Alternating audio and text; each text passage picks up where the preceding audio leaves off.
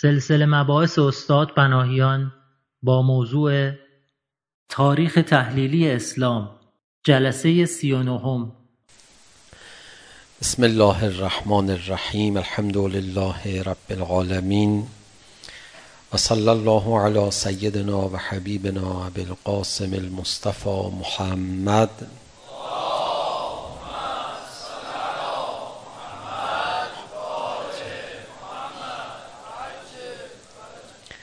وآله الطيبين الطاهرين المعصومين سيما الحجة بقية الله الأعظم روحي وأرواح العالمين له الفداء واللعن الدائم على أعدائه مجمعين إلى قيام يوم الدين رب اشرح لي صدري ويسر لي أمري واحلل عقدة من لسانی يفقه قولی بعضی ها به جای اینکه مسئله رو حل کنن صورت مسئله رو پاک میکنن بعضی ها به جای اینکه بهترین راه حل رو برای هر مسئله پیدا بکنن از مسئله فرار میکنن یا مسئله رو انکار میکنن ذهن ریاضی ندارن یک مسئله ریاضی پیچیده جلوشون گذاشتن نشاط حل مسئله پیدا کردن یک راه حل خوب در وجود اینها نیست و طبیعتا یا مسئله رو انکار میکنن یا اصلا مسئله رو حذف میکنن یا بالاخره زمینه فرار خودشون رو از حل مسئله فراهم میکنن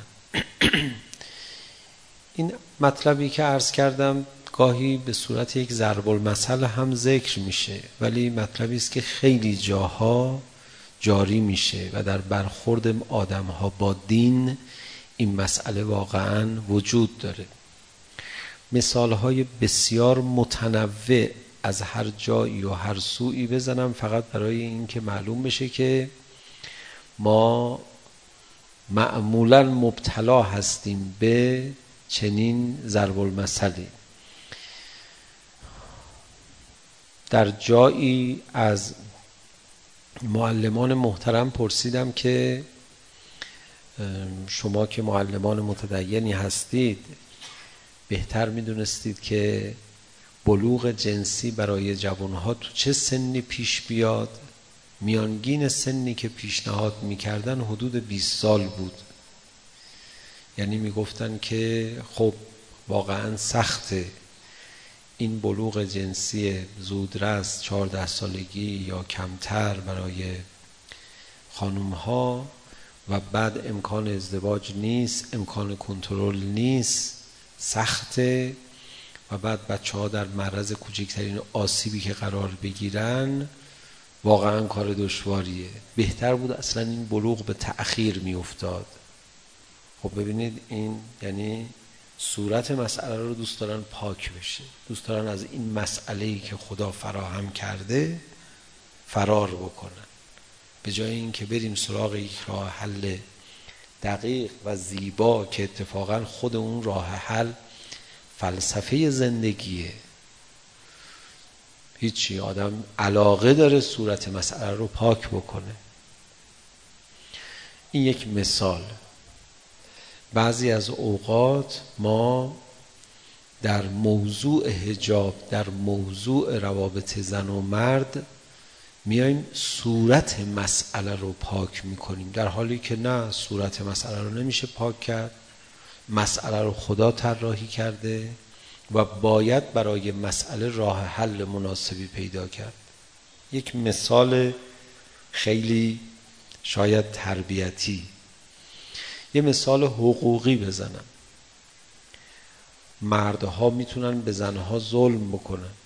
به دلایل مختلف کما اینکه زنها هم میتونن به مردها ظلم بکنن. ولی ظلم مردها به زنها ظلم عیانتری است ظلم آشکارتری است زنها اگر ظلم کنن به مردها ظلمشون یک مقدار پنهانتره.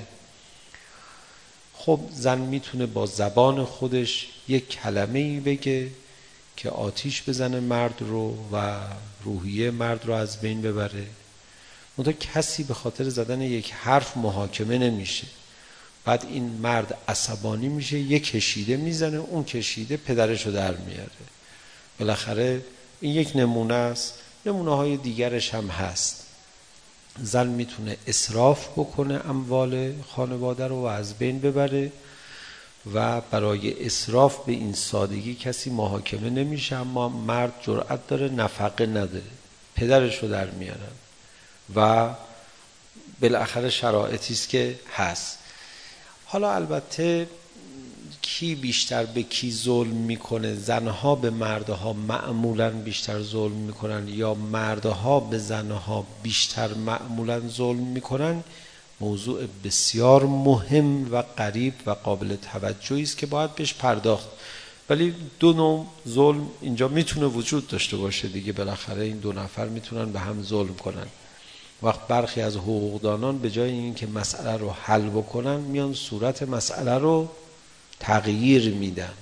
صورت مسئله رو پاک میخوان بکنن. میگن اصلا ما چرا کاری بکنیم که مردها امکان ظلم کردن به زنها داشته باشن؟ میان در قوانین ارث و میراث و مهر و نمیدونم نفقه و اینجور امور تغییراتی رو ایجاد میکنن که اصلا مرد نتونه ظلم بکنه. اینکه مرد میتونه ظلم بکنه این یک مسئله است. اینکه اصلا امکان ظلم مرد رو کامل از طریق حقوقی از بین ببری این یه جورایی حل مسئله نیست. یه جورایی صورت مسئله رو پاک کردنه. یا حل غلط به مسئله دادنه که شما امکان ظلم مرد رو از بین ببرید. هیچ وقت امکان ظلم از بین نمیره در دنیا. تا دنیا دنیا هست. ما البته باید امکان ظلم رو تا حدی از بین ببریم با قانون و مقررات. ولی همشو نمیشه. همشو بخوای از بین ببری مسئله رو میدان و محل امتحان رو اصلا خرابش کردی. مثل اون کسی که کنار زمین فوتبال نشسته بود فوتبال نگاه میکرد. بین دو نیمه رفت با خودش کلی توپ خرید آورد و بعد اینا تا شروع کردن نیمه دوم یه دفعه توپا رو ریخ وسط گفت چیه سر یه توپ دعوا میکنین بیاید مسئلهتون رو حل کردم این هم یک جور برخورد مسخره با مسائلی است که اونا خودشون کشتن این مسئله رو درست کردن به این سادگی مسئله فوتبال درست نمیشه داوری گذاشتن نمیدونم خط گذاشتن گل گذاشتن گلر گذاشتن نمیدونم اوه درست کردن یه مسئله مگه کار ساده ایه؟ شاید صدها سال میگذره تا یک مسئله ای مثل یک بازی درست میشه. اومد صورت مسئله رو پاک کرد. اومد به قول خودش مسئله رو حل کرد. یعنی بعضی هم میان زمین بازی خدا رو که برای بندگانش درست کرده ببینه کی گل میزنه رو اصلا یه دفعه چهار تا توپ میریزن توش همه رو به هم میزنن. اینم یک مثال. حالا من همینجوری بخوام مثال بزنم نمونه های فراوانی داره ولی کم کم بریم سراغ اصل مسئله نه یه مثال دیگه هم بزنم ثروت تلاش برای به دست آوردن پول یه مسئله است در مقابل دینداری هم و معنویت هم گاهی قرار میگیره بعضیا یه دفعه خیلی علاقه به معنویت و اخلاق پیدا میکنن صورت مسئله کسب و کاسبی رو میخوان پاک بکنن آقا ما سراغ دنیا نمیریم ولمون کن و تمام بیارزگی های خودشون رو پنهان میکنن پشت سر زهد ادعایی زهد توهمی که دارن چرا خیلی ایشون خدا پرستن دنبال کاسبی نمیرن خیلی بیخود میکنن نمیرن اونم خصوصا به بهانه خدا پرستی آقا آدم بره دنبال پول در آوردن کارش کم کم به خصاصت میکشه. کارش کم کم به امور منفی در تجارت خواهد کشید. خب این مسئله راه حل داره. صورت مسئله رو چرا پاک میکنی؟ صورت مسئله رو پاک میکنه میره تو قار میشینه شروع میکنه عبادت کردن. پیامبر گرامی اسلام فرمود لا رهبانیت فی الاسلام. ببینید همه جا ما با این صحنه میتونیم مواجه بشیم. توی مقدسین خشک مغز میتونیم با این مسئله مواجه بشیم که صورت مسئله ها رو پاک میکنه به جای اینکه راه حل خوب برداره. توی کسانی که ما الان ازشون یاد میکنیم به عنوان غربی ها غرب زده ها تفکرات روشن فکری غرب زدگی اونجا هم خیلی وقتا صورت مسئله اصلا پاک میشه. بابا صورت مسئله رو چرا پاک میکنه میگه ما حوصله حل مسئله نداریم ولمون کن رو خدا خیلی نمونه وجود داره این همه مثال من برای شما زدم که ببینید همه جا این میتونه جاری باشه تا برسیم به آنچه که موضوع بحث ماست بحث ما در تحلیل تاریخ اسلام بعد از دوران بعد از بحث هجرت رسید به بحث حکومت. پیامبر گرامی اسلام حالا وارد مدینه شدن رسما حکومت تشکیل میدن. ما چند تا بحث تا حالا کردیم. از آغاز که شروع کردیم از جاهلیت حرف زدیم. از بعثت سخن گفتیم. از اداوت سخن گفتیم با پیامبر گرامی اسلام. قبلش از دعوت سخن گفتیم. بعد از مقاومت سخن گفتیم. بعد از هجرت سخن گفتیم و بعد رسیدیم به حکومت. همه اینا هم ته داره آخرش. یه سی چل تا موضوع دیگه هم هست که اونا هم همه ته داره. همینجوری تا آخر سر ببینیم به کجا ختم خواهد شد. رسیدن به مدینه منوره یعنی مدینه رو به قدوم خودشون منور فرمودن رسول خدا و رسما حکومت تشکیل دادن اینجا ما میخوایم از اون مقدمه استفاده بکنیم. یک پیغمبر یک شخص معنوی یک هستی که داره به خدا دعوت میکنه میره رو اوج قله درگیری های دنیایی مینشینه یعنی قدرت. پول اوج قدرت اوج قله دنیا نیست. لذت و شهوت اوج قله دنیا نیست. قدرت اوج قله دنیاست. به همین دلیل خیلی ها از پول و شهوت و لذت و راحت خودشون میزنن برای قدرت. برای شهوت کم کمتر آدم ها هم دیگر رو میکشن ولی برای قدرت میکشن. برای ثروت کمتر هم دیگر رو میکشن ولی برای قدرت میکشن. خیلی از جنایت ها برای قدرت انجام میگیره. برای چیزای دیگه تو دنیا اینقدر جنایت صورت نمیگیره. اون وقت پیغمبر اکرم دعوت به خدا میکنه اوج قله آخرت گرایی اوج قله دنیا هم دستشه. رسما میاد حکومت تشکیل میده. ما نما... نمایه هایی از تشکیل حکومت توسط پیغمبر گرامی اسلام رو در تاریخ در بحث های تاریخی قبلی با هم مرور کردیم. یه اشاره فقط بکنم امشب مقدار با آیات قرآن در این باره بپردازیم. تا به اولا یادتون هست در پیمان عقبه دوم یعنی مردم مدینه اومده بودن با پیغمبر اکرم عهد ببندن سر سه موضوع با پیغمبر بیعت کردن. هر سه تاش حکومتیه. یکی جهاد کنن. یکی اطاعت کنن از پیغمبر یکی بعد از پیغمبر هر کی ایشون گفتن اطاعت کنن دیگه سومیش سیاسی تر از دوتای قبلی بیعت کردن قبلا گفته بودیم که خیلی ها بیعت نمی کردن سر اختلاف نظری که پیدا می کردن مثل قوم ربیعه با پیغمبر اکرم سر جانشین او تو جا تعیین جانشینت ما دخ... دخالت داریم یا نه؟ نه دخالت نداریم و حرفای زیادی در این باره قبلا صحبت شد. پیمان عقبه سر سه موضوع سیاسی پیمان بستن. جنگ کاملا سیاسیه بحث دفاع شخصی نیست. و بعد اطاعت از پیغمبر و بعد اطاعت از کسی که منصوب بشه و اونها دخالتی توی وسایت ندارن. بعد از اینکه این پیمان بسته شد اولین کاری که پیغمبر گرامی اسلام انجام دادن چیه اینو شما میتونید به صورت معما این ور اونور مطرح کنید نشستید توی جلسه های فامیلی و رفاقتی بگید خب یه سوال اولین کار بعد از بیعت مردم مدینه با پیغمبر اکرم که حدود 70 و خورده این نفر آدم بودن چی بود اولین کار 12 نفر رو پیامبر اکرم تعیین کردن برای رؤسای قبائل که اصلا همه قبائل مسلمان نبودن قبیله هایی که از اونها چند نفر آدم اینجا داشت یه دونه رئیس فعلا باید تعیین بشه این رئیس کار دینی بنا نیست بکنه کاملا رئیس دنیاییه اونا رئیس داشتن به هر حال رسما رفتن دخالت کردن براشون رئیس تعیین کردن این خبر اگر امروز تو روزنامه های ما تو جهان منتشر میشد نگاه ها به این پیغمبر صد درصد سیاسی نمیشد.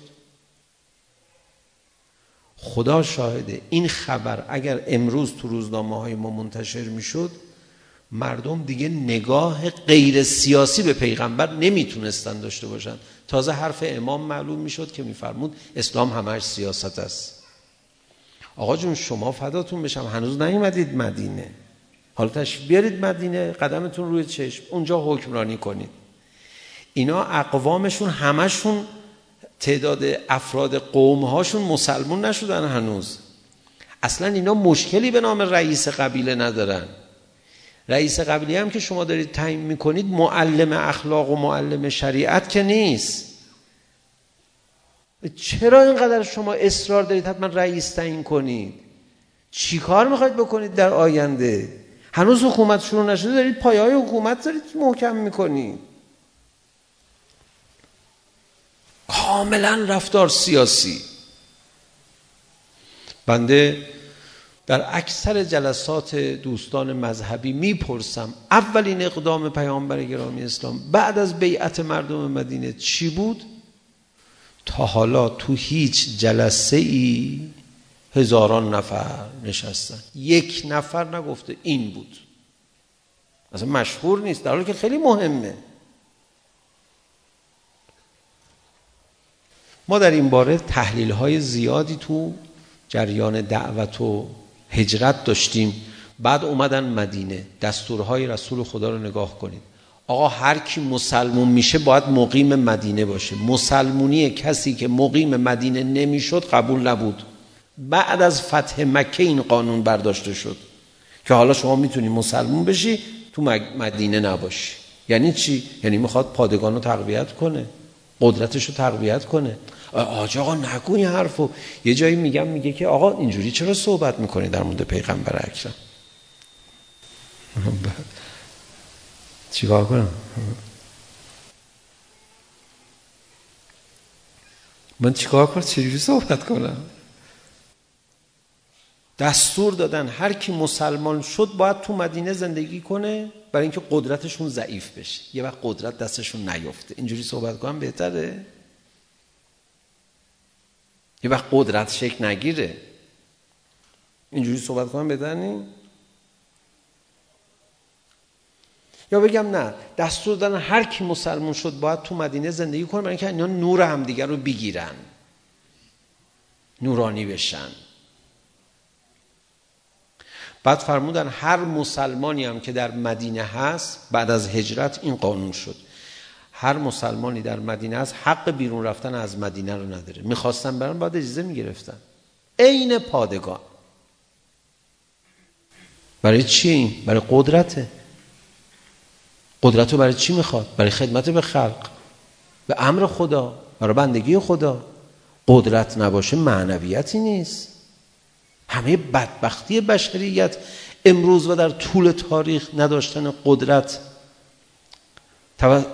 نداشتن قدرت نزد اولیاء خداست همه از اینجاست فکر کردید جهالت نقش داره فکر کردید خیلی چیزای دیگه نقش داره خواهش میکنیم اینا رو با هم دیگه مقایسه کنید یه دفعه بحثای تعلیم تربیتی بهتون غلبه نکنه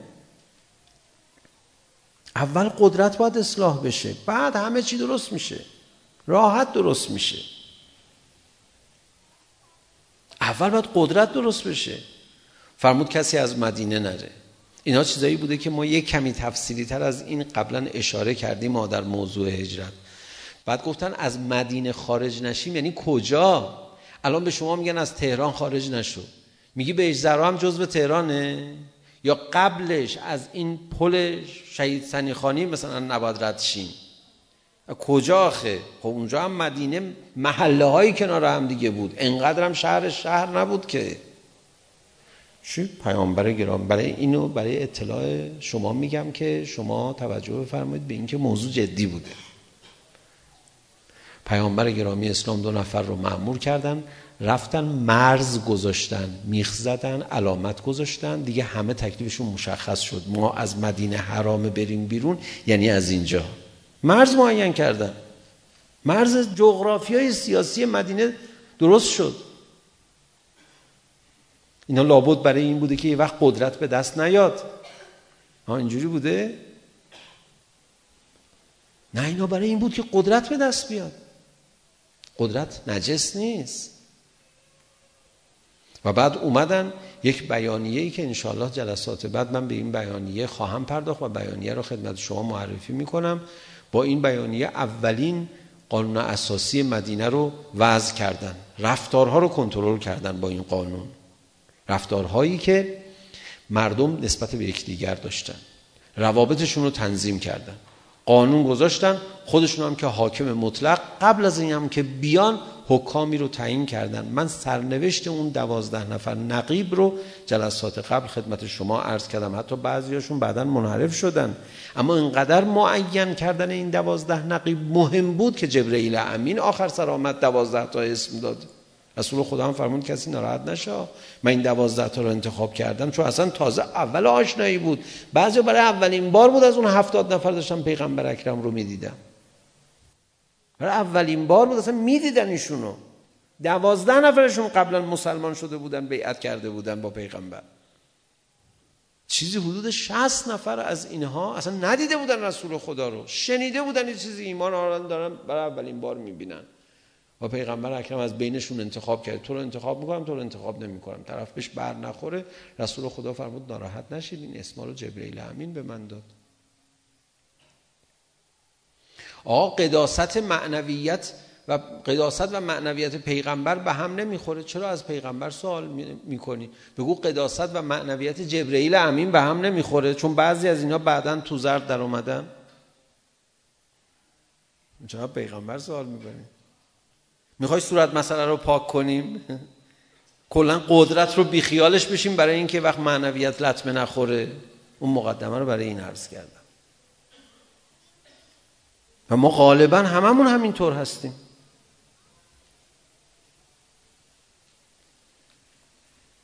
اصلا کسی از یک معلم اخلاق انتظار نداره بره سمت قدرت. اگر این فرهنگ شد که یه کسی معلم اخلاق بود بهش گفتن ببین اگر راست میگی برو قدرت پیدا کن سیاست رو اصلاح کن. نه اینجا بشی ما رو موعظه کن. سیاست اصلاح بشه همه ما اصلاح شدیم. نمیخواد بشین اینجا چک و چونه بزنی با ما.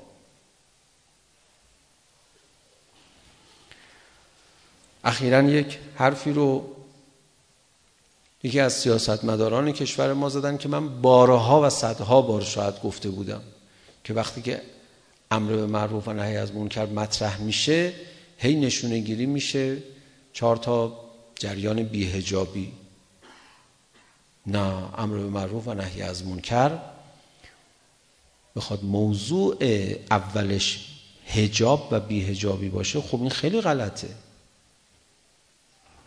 بعد البته ایشون مثال زدن که ما باید به توسعه بیاندیشیم به امور دیگری که در کشور نیاز داریم امر به معروف که میخوایم بکنیم بریم سراغ اون موضوعات.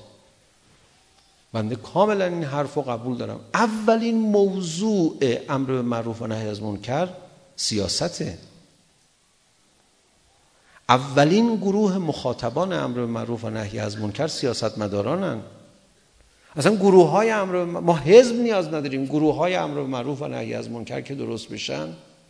به صورت مردمی سیاستمداران رو کنترل میکنن نباید کنترل سیاستمداران رو به چند تا روزنامه و چند تا حزب سپرد که انسان احتمال میده پشت پرده های اونها یه بند و بست هایی باشه و احتمال میده انسان عدم صداقت های اون صحنه وجود داشته باشه و نباید نقش مردم فقط پای صندوق های رأی باشه گروه های امرار نهی از منکر اول وظیفهشون سیاسیه سیاسی ترین تشکل در کشور ما و در فرهنگ ما ستاد امر معروف و نهی از منکر باید باشه.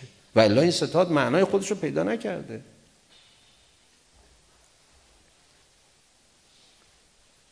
قدرت اصلاح بشه. قدرت اصلش اینه که دست انبیاء الهی باشه. وقتی که اگه خواست بیاد پایینتر دیگه باید هرچه شبیه تر به انبیاء الهی. ما ها صورت مسئله رو میخواییم پاک کنیم. قدرت رو یک چیز نجسی تلقی میکنن بعضی ها یک پدیده آفتزایی تلقی میکنن و بعد از سر دلسوزی نسبت به معنویت نسبت به قداست اولیاء خدا میخوان بحث اولیاء خدا رو از قدرت کاملا جدا کنن اولیاء خدا اگر هدفگیری نکرده بودند برای قدرت هیچ وقت باهاشون مخالفت نمیشد. و همه اون کسانی که دشمنی کردن با اولیاء خدا در حد قتل در حد تمسخر و هر گونه مخالفتی اقدام کردن میدونستان که اولیاء خدا به سمت قدرت دارن میرن. سوره شعرا رو شما نگاه بکنید. اینا دیگه تحلیل تاریخ نیست. از انبیاء مختلف الهی در این سوره مبارکه سخن گفته می شود. سخن به میان آمده است. نه بار به عنوان شعار انبیاء الهی. نه مرتبه در قرآن یک موضوعی تکرار میشه. با یک تعبیر خیلی معنا داره. یعنی میخواد بفرماد همه انبیا این کارو کردن. البته شما غیر از این نه بار چند مرتبه دیگه در جاهای دیگر قرآن هم همین شعار انبیا رو میبینید. اما تجمیعش در این سوره مبارک است. که رسما انبیا الهی به مردم میفرمایند انی لکم رسول امین فاتقوا الله و اطیعون فاتقوا الله و اطیعون خدا رو مثلا بترسید از خدا تعبیر دقیقی نیست. تقوای خدا رو پیشه کنید مراقبت کنید از خدا و مرا اطاعت کنید. و مرا اطاعت کنید. و اطیعون اطاعت کنید از من. و اطاعت کنید از من یعنی چی؟ یعنی من معلمم معلم که نیاز به اطاعت نداره. من موعظه کننده هستم موعظه کننده نیاز به اطاعت نداره. من معلم اخلاق هستم معلم اخلاق نیاز به اطاعت نداره اطاعت و معناشو باید ببینیم چه جوریه بعضیا تعجب میکنن کلمه اطاعت در قرآن بیشتر برای انبیاء الهی استفاده شده تا خدا اینو بهشون میگی تعجب میکنن بهشون میگی هر جا اطاعت از خدا به میان آمده است اطاعت از پیغمبرم هست میگه واقعا میگیم بله بعد میگیم یه جاهای اطاعت از پیامبر هست که اطاعت از خدا نیست. در جمع سیغه اطاعت لفظ اطاعت بیشتر مال انبیاء الهیه در قرآن نه خدا. اصلا کافران و مشرکان معمولا با خدا مشکلی ندارن. غافلان ممکن است با خدا مشکل داشته باشن. معصیت کاران ممکن است با خدا و اوامر خدا مشکلی داشته باشن. اونم از سر غفلت. اونم تازه اگر قدرت دست انبیاء الهی باشه همه غافلا و معصیت کارا و گناهکارا رو درست میکنن. مشکلی نیست. پیامبران الهی مشکلشون عرق خورا و شراب خورا نبودن. مشکلشون قدرتمندای جامعه بودن. و رسما دعوتشون بر محور قدرت یافتن اولیاء خداست چاره ای نیست هی هم بیان برای مردم توضیح دادن بابا به خدا ما این قدرت رو میخوایم در راه خدمت به مردم استفاده کنیم بابا خدا به ما دستور داده چی کار کنیم خب ما مجبوریم الان قدرت داشته باشیم هی هم بیان توضیح بدن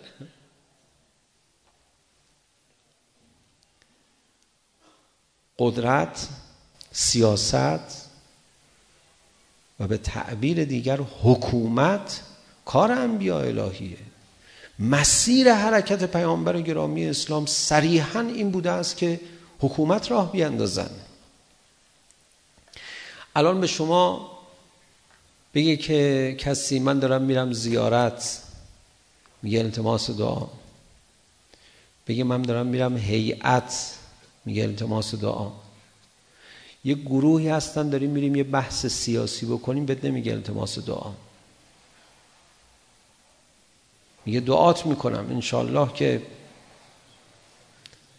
نابود نشی نمیدونم. خب ایشون دارن زیارت میرن هم شما دعاشون کن دعاشون کن بیشتر بهره برداری کنن. از زیارت دست خالی نیان. ایشون داره میره هیئت هم دعاش کن. ابی نداره داره میره کار سیاسی انجام بدم دعاش کن ولی اگه تو متن کار سیاسی حاجتی داری اونجا برات دعا کنه این دعا برات مستجاب تره با شما ها اینو باور میکنید شما خودتون حس معنوی کجاها میگیردتون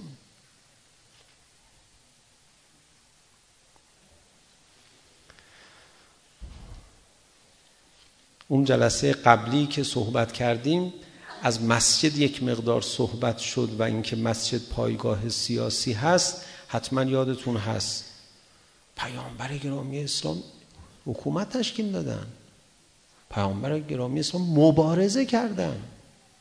جنگ های پیغمبر اکرم سر قدرت بوده.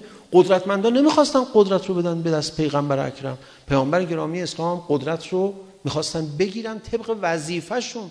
نه برای خودشون نفسانی با قدرت ارتباط برقرار کنن. وظیفهشون بوده قدرت خودشون رو تأمین کنن. گناهکار عفو میکردن ولی کسی که کاریز شخصیت کاریزمای پیامبر گرامی اسلام رو مورد اهانت قرار میداده او رو دستور اعدامش رو میدادن. چون موجب تضعیف قدرت میشه. ما والا به خدا نوبرش رو آوردیم یه دین جدیدی درست کردیم دین جدیدی که ما درست کردیم امور عبادی نورشون معنویتشون بیشتر از سیاست شده این دین جدیدی است که درست کردن گذاشتن تو کاسه ما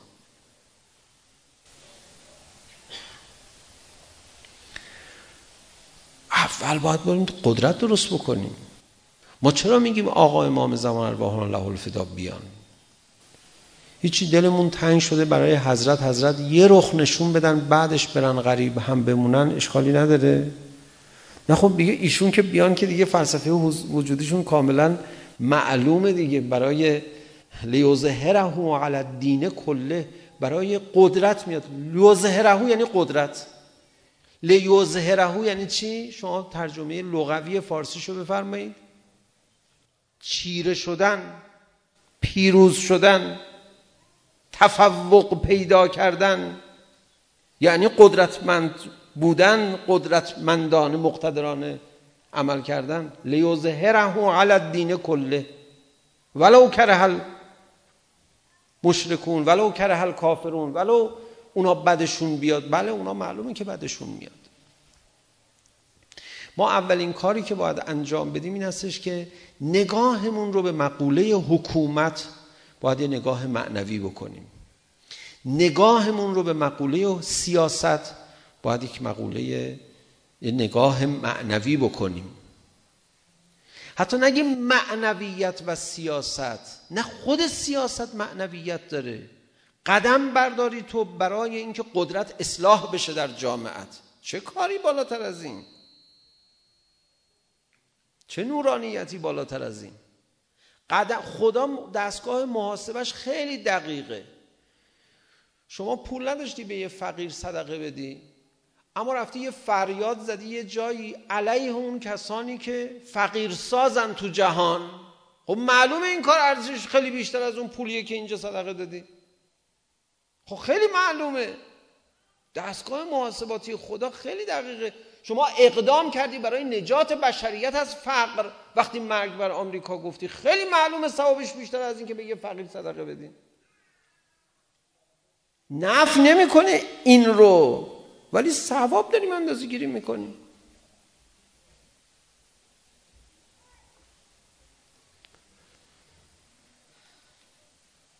پیامبر گرامی اسلام آمدن در مدینه منوره رسما حکومت تشکیل دادن مناسبات اجتماعی مردم رو تحت یک نظام سیاسی متقن تعریف کردن تدریجی این حکومت رو در واقع پایه رو مستحکم کردن و بعد دیگه سپردن به لیاقت ها و استعدادهای مردم و سی خودشون رو هم مشخص کردن مردم نکشیدن این قدرت در این مسیر باقی بمونه اون یک موضوع دیگه است. خب یه پیشنهاد میخوام بدم. جهت مطالعه تاریخ به این پیشنهاد دقت کنیم. بعضی از فیلم های سینمایی آخر داستانشون رو نمیگن چی میشه. بعد از اول شروع میکنن شما رو علاقه من میکنن به شخصیت داستان به سرنوشت شخصیت داستان. گرهی براش ایجاد میکنن. تو دوست داری ببینی این گره باز میشه یا نه؟ پیگیری میکنی داستان رو میری تا آخر. آخرش هم یه اتفاق غیر قابل پیش بینی اگه برات بیفته دیگه خیلی زیباتر میشه کار. بعضی از فیلم های سینمایی سبک روایتشون اینجوریه. بعضی از فیلم های سینمایی سبک روایتشون کاملا متفاوته با این. چیکار میکنه؟ اول آخر رو نشون میده. اول نشون میده که مثلا یه ماشین رفت زیر تریلی. بعد این وقتی که ماشین مثلا تصادف کرد رفت زیر تریلی میره دوربین روی چهره اونایی که دارن جون میدن. بعد اینا نگاهشون برمیگرده به عقب و داستان تازه شروع میشه که اینا از کجا می اومدن که به اینجا رسیدن؟ این جور داستان سرایی کردن این جور روایت کردن سختتر از نوع اولی که گفتم. چون آخرش رو بهت گفته. کی اینجوری داستان طراحی میکنه؟ کسی که میگه من آخرش رو گفتم. ولی اینقدر معماگونه وضعیت رو طراحی کردم همه مخاطبان من میخوان اینجوری بررسی کنن. چی شد به اینجا رسید؟ میشینه فیلم رو نگاه میکنه. چی شد فیلم به اینجا رسید؟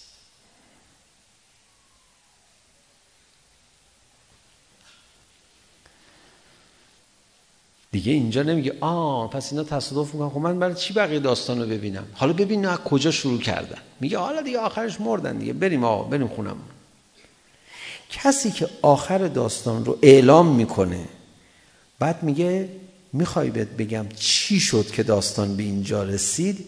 این قدرت طراحی داستانش خیلی بالاست. قدرت طراحی داستانش بیشتر از اون کسی که آخرش رو بهت نگفته و چون تو آخرش رو نمیدونی داری تعقیب میکنی میری جلو. دوستان اهل فیلم سینمایی و داستان و اینها هستن تشریف دارن؟ بله.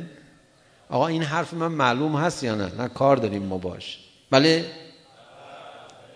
شما قبول دارید اگر یه فیلم سینمایی بتونه آخرش رو بگه و بازم شما رو میخکوب کنه برای تعقیب ماجرا که سوالت این باشه عجب چی شد به اینجا رسید داستانی که شما رو بتونه به صورت معماگونه گونه با اینکه نتیجهش رو میدونی این داستان جذابتریه بله خب در قصه پیغمبر اسلام شما کسانی هستید که آخر داستان رو میدونید در خانه فاطمه زهرا سلام الله علیها دخترش رو آتش زدن و بقیه داستانهایی که خبر دارید حتی حسینش رو کشتن با امیر المؤمنین علی علیه السلام چه کردن آخرش رو میدونی از اول تاریخ اسلام رو میخوای خصوصا از مدینه که شروع کنی به چه انگیزه شروع میکنی این معما چی شد به اینجا رسید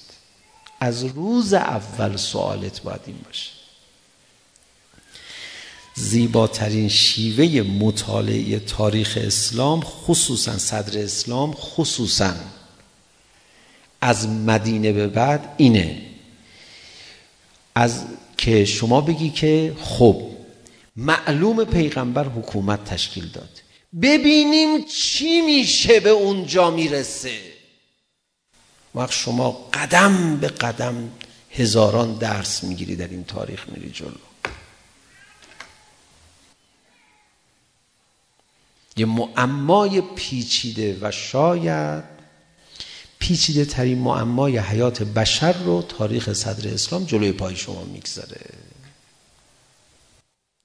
چرا میگید پیچیده ترین معمای تاریخ حیات بشر چون با عظمت تر از پیغمبر اکرم که ما نداریم در عالم خلقت و ایشون صرف یه داستان ساده نمیشه صرف یک سلسله پیام های سطحی نمیشه رسول خدا معقول نیست حکمت خدا نمیتونه اینجوری باشه که صرف یک سلسله حرفهای روتین سطحی همه فهم بشه. لابد زندگی ایشون و مسیر ایشون و مرام ایشون درسهای بسیار پیچیده ای داشته. البته ممکنه کسانی سطحی نگاه کنن از همون نگاه سطحیشون هم بهره ببرن. اشکال نداره. ما که بخیل نیستیم. پیامبر گرامی اسلام همه وجودشون برکته بله خوش اخلاقم بودن. بله اینم هست. اینم هست. ولی انک لعلا خلق عظیم صرف چی شد؟ چه ماجرایی؟ که به کجا رسید؟ چگونه شد که به این انتظار 1400 ساله رسید؟ لا اقل این انتظار هزار ساله. شما نرید به داستان حکومت پیغمبر اکرم اینجوری مراجعه کنید که بله یه حکومتی تشکیل شد و پایه هاش استوار شد. خب ببینیم حالا بعدش چی شد. نه یه معما جلوی ماست. از همین روز اول. از اول تاریخ بعثت تا کنون قبل از بعثت میلاد پیامبر گرامی اسلام دوران حیات پیامبر گرامی اسلام دوران جاهلیت قبل از اون حتی مقدماتی که بود برای بعثت پیغمبر گرامی اسلام تا حکومت یک سیری طی شد تا به اینجا رسید. یک سیری که یادم هست شاید آخرین جلسه بود برای شما یه قصه های عجیبی رو من برای شما تعریف کردم. از این که مثلا حضرت رفتن طائف دعوت بکنن اونها رو. یک نفر ایمان نیاورد. دست خالی برگشتن افت و خیزه هایی واقعا وجود داشته. از نامردی هایی که مردانه البته روامی داشتن.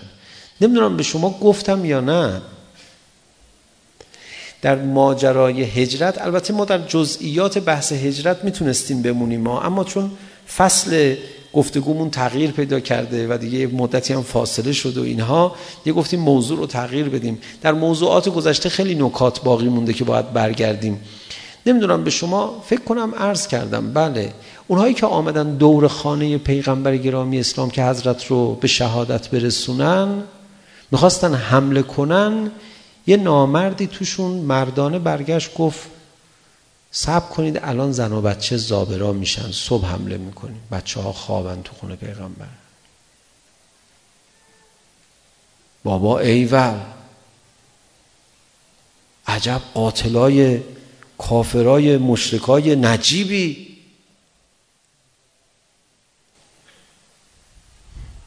چی شد کار به اونجا رسید که کربلا رو ما دیدیم؟ عادی نیست عادی نیست مسئله اونایی که علیه پیغمبر شمشیر کشیدن بهتر عمل کردن از اونایی که به اسم پیغمبر شمشیر کشیدن بچه های پیغمبر رو کشتن چجوری میشه اینجوری میشه این سوال رو بگذار جلوی خودت بعد شروع کن تاریخ پیغمبر اکرم رو بررسی کن برو جلو. اگر این سوال رو بگذاری جلوی خودت من یه حرفایی یه حرفایی رو به شما خواهم گفت که یعنی نمیشه هم گفته. حالا مثلا یه نمونهشو بگم. یه نفر آمد از شام رفته بود مسافرت شام. اسمشو نمیبرم. حتما شما مطمئن باشید من اولین فردیه که اسمشو نمیبرم. ایشون از شام برگشت بهش گفتن بابا ایشون داره کارش میگیره. ادعای پیغمبری کرده جوونا دارن؟ چیکار کنیم؟ گفت من میرم بهش ایمان میارم. گفتن تو تو اصلا این کار نیستی. تو اصلا ما ما میفهمیم کیا میرن به ایشون ایمان میارن. گفت نه من تو مسیر شام از علماء ادیان دیگه شنیدم. این پیغمبر آخر الزمان کارش هم میگیره. من میرم باهاش همراهی میکنم که نونم بعد از ایشون تو روغن باشه. و چه روغنی؟ و چه روغنی گرفت؟ چه کرهی گرفت؟ ها آها. از اول پس نقشه داشتن بعضیا. قبل از هجرت این حرفو زده بود. پیدا کنید پرتغال فروش را که بعد از هجرت اینجور افراد رو به شما معرفی بفرماید. خبر داشتن. میدونستن آماده بودن منتظر بودن. خود رسول خدا فرمودن هر کی به من ایمان بیاره به قدرت خواهد رسید. نه حالا شخصا اگه کسی ایمان بیاره مثلا رئیس میشه. فرمود بیاد به من ایمان بیارید رؤسای جهان خواهید شد. خب که آدم قدرت طلب. با همین تشویق پیغمبر اکرم. راستی پس چرا ایشون از اول اینجوری تبلیغ کردن؟ صادقانه تبلیغ کردن. خب نمیفرمودن حالا اینو که کسانی که قدرت طلب بودن به طمع بیفتن. ببین صداقت پیغمبر منو کشته.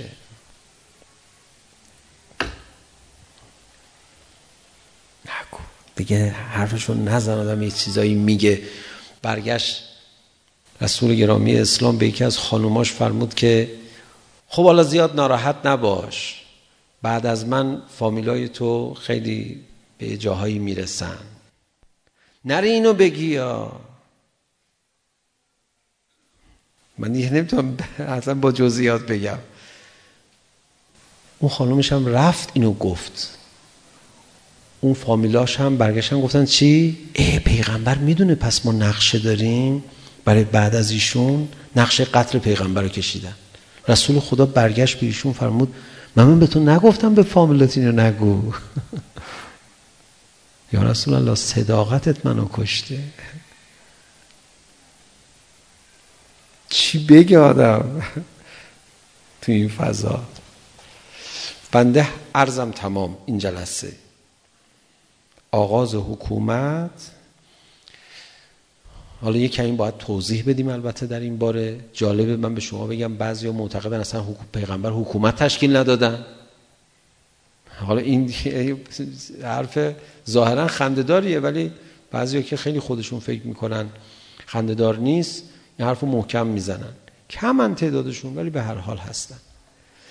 ما باید این تشکیل حکومت این به دست گرفتن قدرت این سیاست رو در دستان مبارک پیغمبر اکرم دقیق مطالعه کنیم. ولی با طرح این معما چگونه شد که آنگونه شد بعد از پیغمبر اکرم؟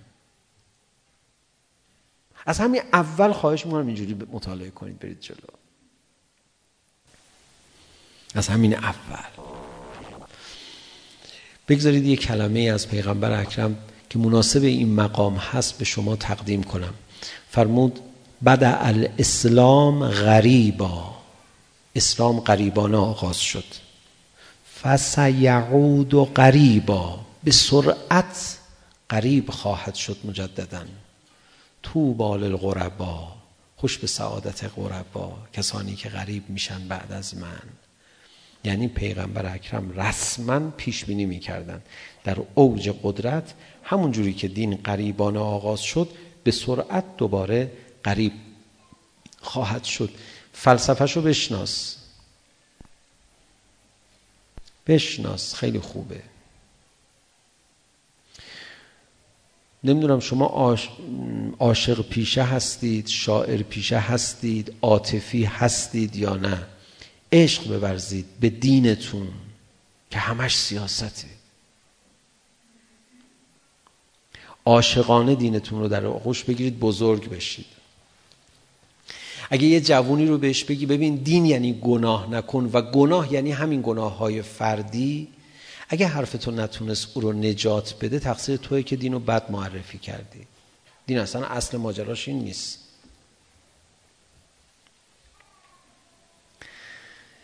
وقتی اولیاء خدا وقتی قدرت بگیرن زمینه گناه ها بین میبرن.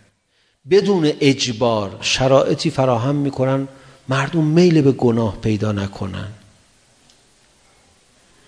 باید به اون سمت حرکت کرد. معنویت چیه؟ معنویت اینه. بوی قدرت برای دین به مشام جان انسان ها برسه تحول پیدا میکنن. نه بوی برهانی بودن و مستدل بودن دین و عقلانی بودن دین. بله دین معلومه یه امر عقلانیه ولی عقلانی بودنش چقدر نجات میده؟ این همه کتاب 1400 سال علما نوشتن. حضرت امام چند تا کتاب نوشت؟ همه تاریخ ما همه تاریخ بشریت گواهی میدن. امام با کمترین کتاب هایی که نوشت با کمترین کار تعلیم و تربیتی انسان های بیشتری رو احیا کرد. قدرت رو به دست گرفت. این دیگه خیلی واضحه. با قدرت انسان ها بهتر تطهیر میشن. قدرت اگه دست اولیاء خدا بیفته. به عمل کار برایت به سخندانی نیست به سخنرانی نیست. عمل بزرگترین عملها عمل سیاسیه. نگاه خودمون یه مقدار اصلاح بکنیم. این یکی از کارهایی است که تو این تاریخ اسلام باید انجام بدیم. بعدش دنبال این باشیم که این قدرت رو چجوری مهار کردن. ای خدا. چجوری نذاشتن کارش به اتمام برسه. چی رو نفهمیدن؟ ما هم در معرض خطر یه همچین مسئله هستیم ما. نکنه این قدرت به دست آمده با ندانم کاری های ما یه دفعی افول کنه. خیلی اون وقت خطرناک میشه. در کلمات امام گوشه هایی نسبت به این اعلام خطر وجود داره. همیشه هست. خدا, خدا با هیچ کس به سرخالی نیست. ذره ذره بر اعتبار پیامبر اکرم افسوده شد. تا این اعتبار فراهم آمد باهاش حکومت تشکیل داد. باهاش یک سلسله قانونهایی رو بر جامعه حاکم کرد به شیوه هایی که دیدنی است درد اونجاست که از همین دین سوء استفاده شد و ابا عبدالله حسین تو کربلا محاصره شد این دردناکه و الا بالاخره قتل ظالمانه برای یک خانواده در طول تاریخ خیلی بوده خیلی ها گریه میکنن برای امام حسین علیه السلام. خودشون نمیدونن که چرا انقدر حرارت داره مصیبت امام حسین در قلبشون. خودشون خبر ندارن. بله یه کودکی که میره مهمونی متنعم میشه از سر سفره میزبان. خبر نداره مناسباتو. آقا کجا اومدی؟ میگه فعلا غذا زیاد سر سفره و خوشمزه هم از ما میخوریم دیگه. ما به بقیهش کاری نداریم. بازی هم میکنه تو حیات بهره میبره. از این مهمونیه دل سیری بالاخره از سر سفره بلند میکنه. ولی متوجه نیست که این مهمانی با اون مهمانی قبل چه فرقی داشت. خب اینا رو متوجه نیست دیگه. هم میخوره میره. بعضی وقتا ما میریم سر سفره ابا عبدالله الحسین. بالاخره به ما عنایت میکنن. عنایت میکنن. ولی اونایی که سیاسی گریه میکنن یه گریه دیگه ای دارن.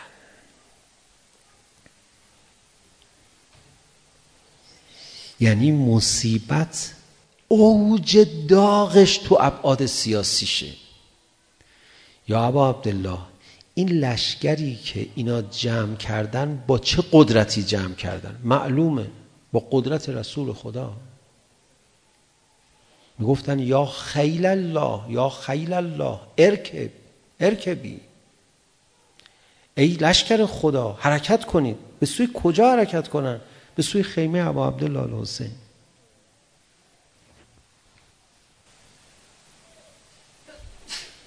این یه سال شب آشورا من تو مهدیه تهران گفتم تلویزیون پخش کرد. کم میشه یه مشکلی برای ذهن مردم پیش بیاد که تا چهار پنج سال یادشون نرفته باشه هر موقع منو میبینن بپرسن. که گفتم مردم مردم امام حسین رو کشتن. ذهن خیلی رو به هم ریخته بود. از پادگان ها نیرو نیاوردن. چند هفته مردم به صورت داوطلبانه تمام آهنگری ها رو تعطیل کردن. هر کی هر چی داشت آورد وسط شمشیر و نیزه درست کردن برای ابا عبدالله الحسین. تو کوفه. داری خرج میکنی برای چی؟ میگه قربتن الله میخوام برم حسین رو بکشم. این دینی که اون قدرت رو درست کرده حالا ببین داره چی کار میکنه. این این داغه. و الا خب شهادت که طبیعتا هر جا اتفاق بیفته مظلومانه است دیگه. کسی شهید میشه مظلومانه به شهادت رسیده دیگه. معلوم ظلم تکلیفش مشخصه. این ظلم این ظلم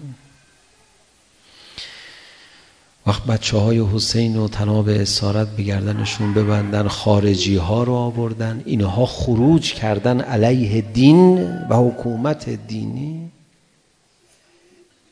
تموم هم نمیشه آشورا حالا تو آشورا تموم نشد زینب ادامه داره میده این راه رو این زخم زبان ها رو داره ادامه میده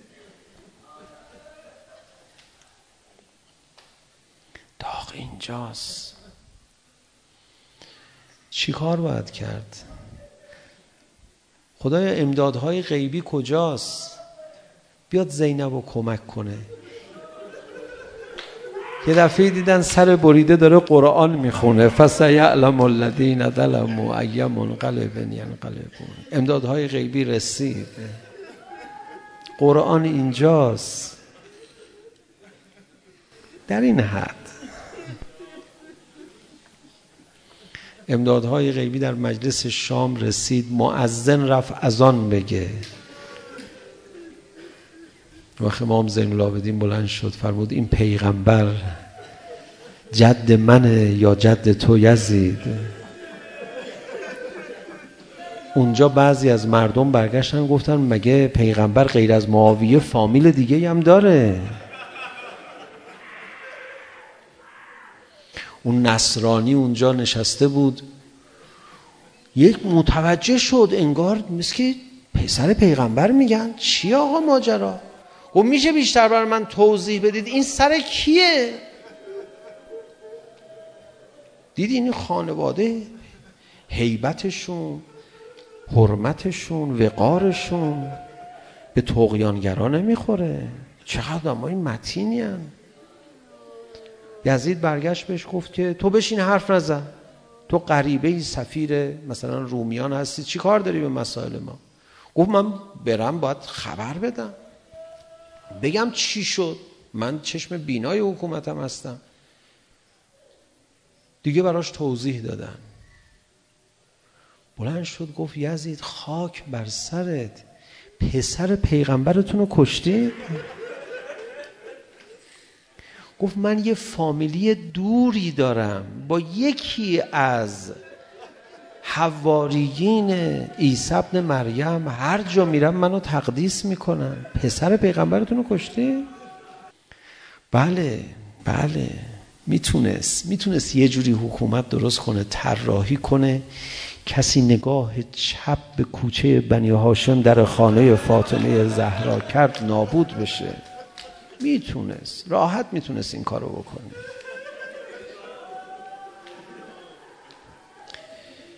یه گاردی رو برای دخترش فاطمه زهرا طراحی میکرد بعد میفرمود فاطمه من صدقه و اینا هم نمیخواد بدی فقط از فدک حقوق اینا رو بده چند نفرم قلع و غم میکرد کاری نداره شما اصلا خود بشین فکر کن اینا دیگه پیشبینی های خیلی ساده شه. یا رسول الله پیغم فاطمه تو چجور داری تنها میگذاری میری؟ بین کیا؟ یقینا فاطمه رو به علی که دستاش بسته است نسپردی. به بچه هاش که از او کوچکترن نسپردی. دختر دلبند تو به که می سپاری و میری یاد یه روزه ای تو کربلا نمیافتید سکینه موقع خداحافظی صدا زد بابا ما رو به کی میسپاری داری میری یقینا ما رو به عمو عباس که نمیسپاری ما رو که به اکبر نمیسپاری که اینا همه قبل از تو رفتن بابا بابا اگه تو نبودی اینا تا حالا اومده بودن به خیمه ها رسیده بودن. بابا بعد از تو میانا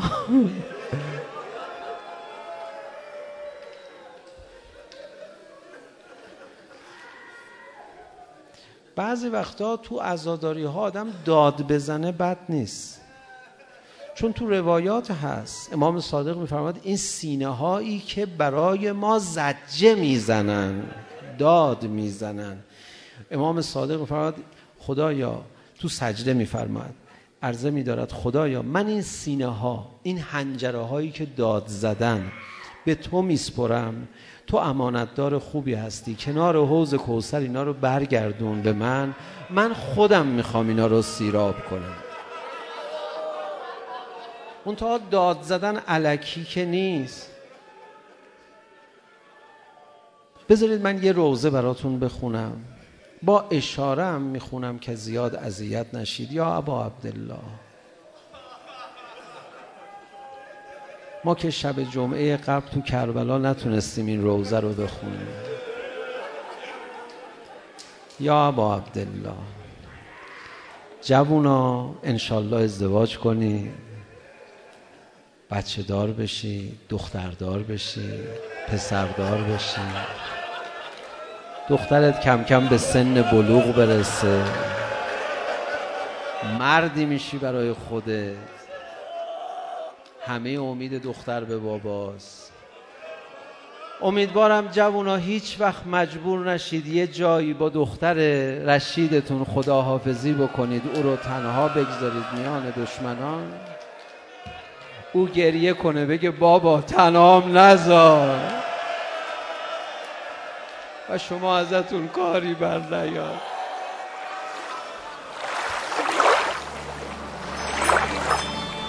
بیان معنوی نقطه آی آی